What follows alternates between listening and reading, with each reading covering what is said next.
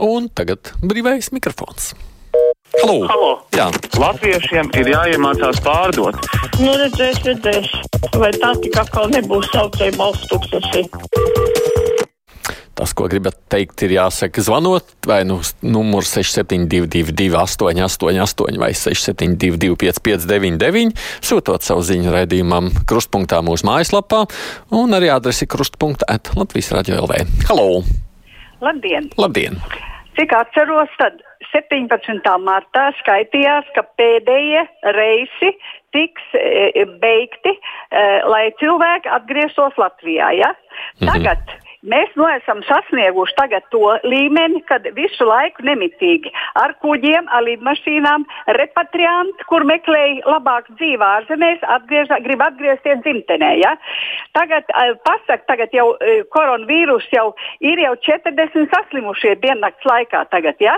Tas ir 180 cilvēki jau un uh, paziņo, ka līdz 27. datumam vēl turpināsies, turpinās vēl uz šejien sūtīt mums šitos te, kas mums atvedīs vīrusu. Vai tiešām vajag sasniegt tos 20 tūkstošus, kā vakar runāja, tos 20 tūkstošus slimos cilvēkus?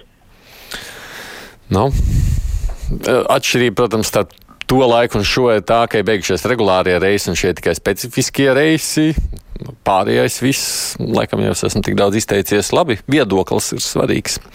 Niks raksta, kādreiz darba likumā bija norma, ka piespiedu dīkstāvēja strādniekiem jāmaksā 40% no vidējās pēdējo divu mēnešu algas. Protams, 90. gados likums bija krietni pabojāts, vai šī norma pastāv vēl nezinu. Nu, kā jūs zināt, valdība pieņēma stāstu par 75%. Nu, tur ir gan griesti. Halo! Sveiks, Aidi! Sveicināti! Tev zvana tāds druskuļi pazīstamais Jānis. jā, jā. Mums tāds vakar, tāda diskusija, nu, ģimenē radās nu, ar jautājumu.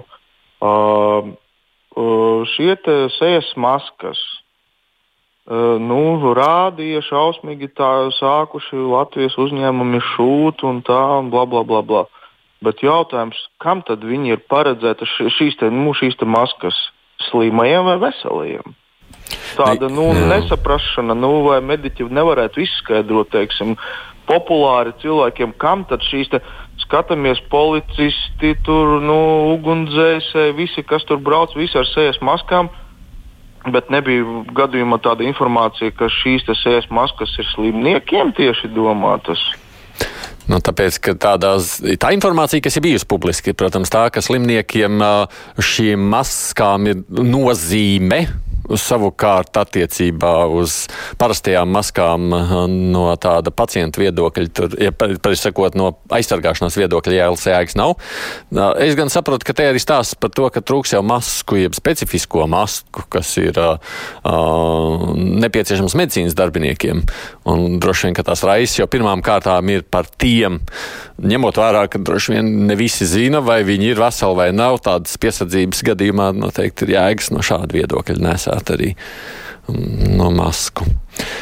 Kā zināms, 2008. gada krīze pasaulē notika lielo parādu dēļ, kur uzņēmumu privātpersonas nespēja nomaksāt.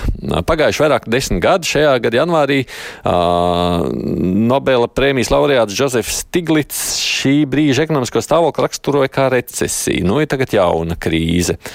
Te ir gara vēstule, tāpēc es mēģinu saprast, kur ir tā doma. Un tad ir dažādas. Ā, te ir jautājums, kā Jautājums ir Andrim Vilkam. Labi, piedodiet, izlasīšu garu vēstuli. Nepaspēju norēģēt. Halo! E, labdien! Labdien. Nu, tā histerija bija galīgi nevietā, jo cilvēki, kas atgriežas mājās, viņi nav vairāk slimi kā tie, kas uz vietas jau ir. Un vēl par maskām. E, maska ne, neizglābs, bet katrā ziņā samazinās risku. Nu, vēl tādu visdrīzākais Latvija neuztaisīs zāles un vakcīnu pret koronavīrusu, bet vai piedalīties tā radīšanā. Un, ja paveiksies mūsu valsts vai spūkt kādu procentu daļu lauvu, ko Latvija var saražot, tās ir maskas. Ukrainā bez tām nevar braukt sabiedriskā transportā, bet Korejā aiziet uz ielas. Tas ir dezinfekcijas līdzeklis, kuriem jābūt katra kabatā, mājās un mašīnā. Un tas ir plaušu ventilējams. Tā nav sarežģīta ierīce kā tomogrāfs, un daudz droši vien zina, ka Porsche un Apple Macintosh tika uztaisīti garāžā. Valsts aizver savus robežas, kas liek tēriņu, jo cilvēks no Daņas vai Tampēs nav vairāk bīstams kā no Daugopils atbraukušais.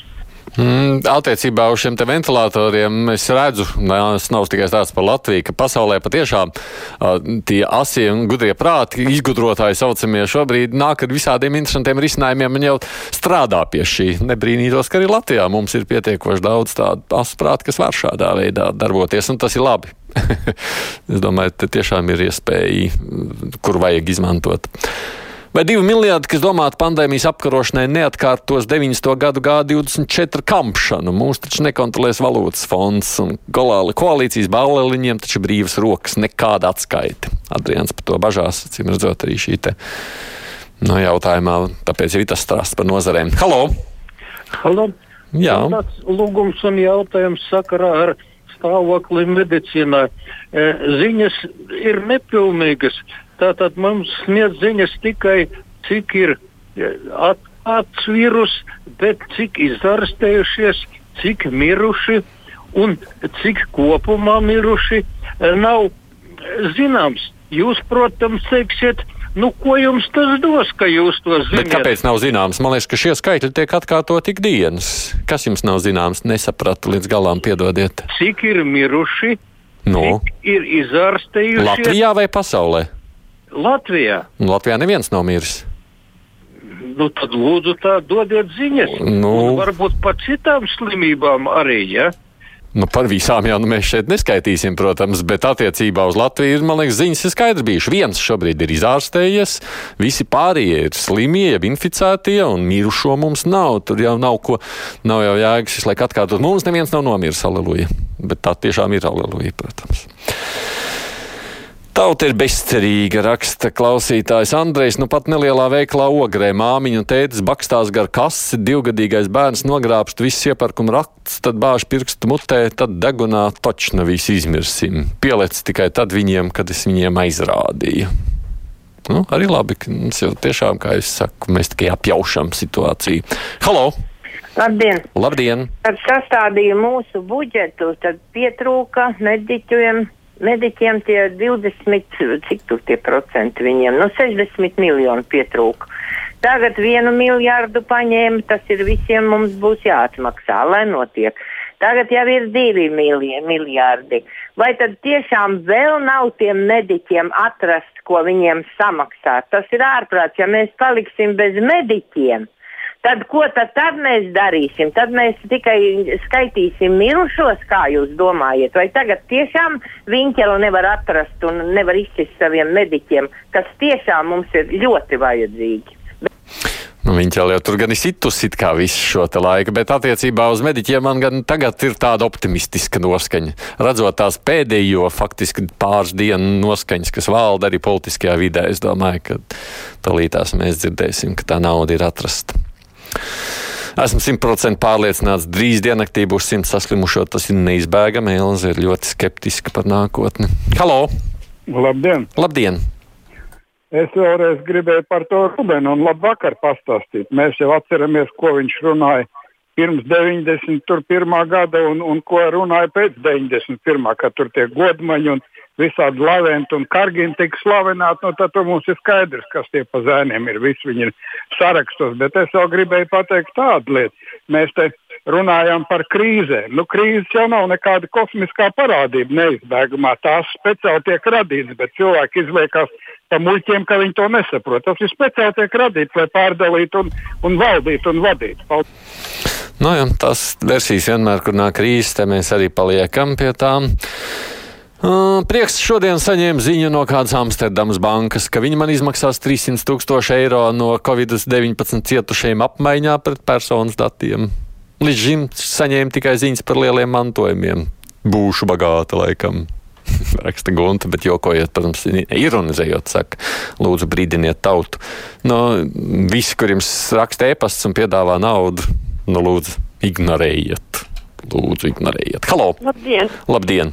Dažām dienām saimi jau noraidīja ar dažiem, eh, ar dažiem pārsvariem, ka noraidīja piemaksāt to mediķiem 60 miljonus. Un vakar viņa, šitā ministra teica, ka 20% kaut kādas tur pieliks tiem dažiem, nu, kas laikam ir vairāk nu, nu, nostrādājuši tās virsstundas un tā. Paldies! Jā, bet nu, tajā brīdī, protams, Es domāju, ka šie lēmumi ir jāpieņem kaut cik izsvērtāk, un tur tā nevar uzreiz sitienu, oi, vai 60 miljonus šur vai tur. Tas ir jāpieņem apspriežot, bet es redzu, ka tās apspriežas no, apspriež šobrīd notiek, un, nu, domāju, rezultāts arī būs.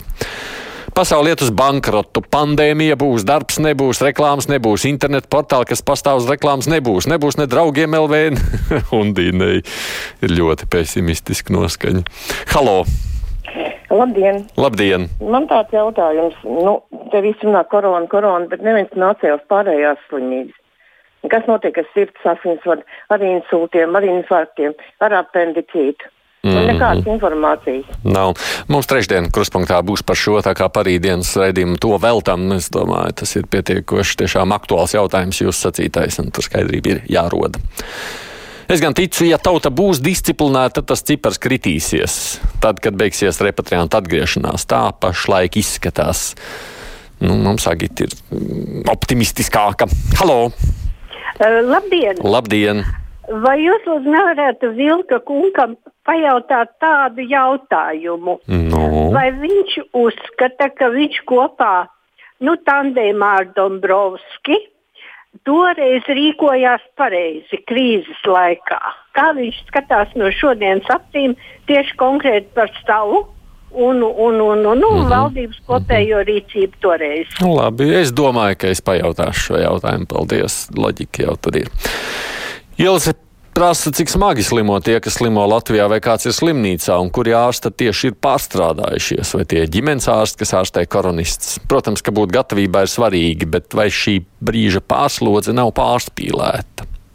Nu, neapšaubām slodze šobrīd ir neatliekās medicīniskās palīdzības dienestam, un tie, kas šīs pārbaudas veids, tur šaubu nav visas dakteres pašlaik tās lodzes jā, neskar, bet tur jau ir netik daudz stāsts par slimnieku ārstēšanu, cik vispār par savu darbu pārprofilēšanu, cik es to saprotu, jo visiem jau šobrīd ir jāstrādā būs pilnīgi citos apstākļos, un, un tiem jau tā gatavošanās arī pašlaik notiek.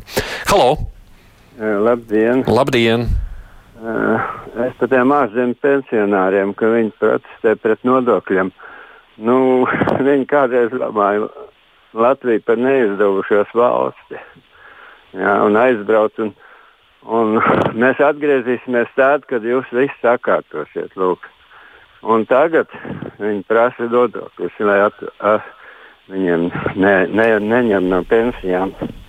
Es domāju, tas nav taisnīgi pret mums pa, šeit palikušajiem. Nu, par pensijām tas stāsts droši vien ir tikpat strīdīgs, bet nu, diskusija jau šeit ir bijusi Latvijas raidījā diezgan gara um, par šo. Kā, droši vien, ka jaunu neko nepateikšu. Ir arī diskutētāji, kas uzskata, ka viņķele netiek galā ar pienākumiem. Jānis raksta, labdien, mīļie, beidziet graust viņķeli, paldies liels viņai šajā trakajā laikā. Vai tad kādam maize trūkst, ka gribas graust? Nevarēšu pacelties klausuli, tā kā nemaz nemēģināšu. Nu, Jānis saka, ir jau informācija arī par slimnīcu režīmu maiņu, bet, protams, ka pacientiem ir ļoti daudz konkrēti jautājumu par to. Tad arī runāsim ziņas gan, un tā tad saruna pēc tam ar finansistu Andri Vilku.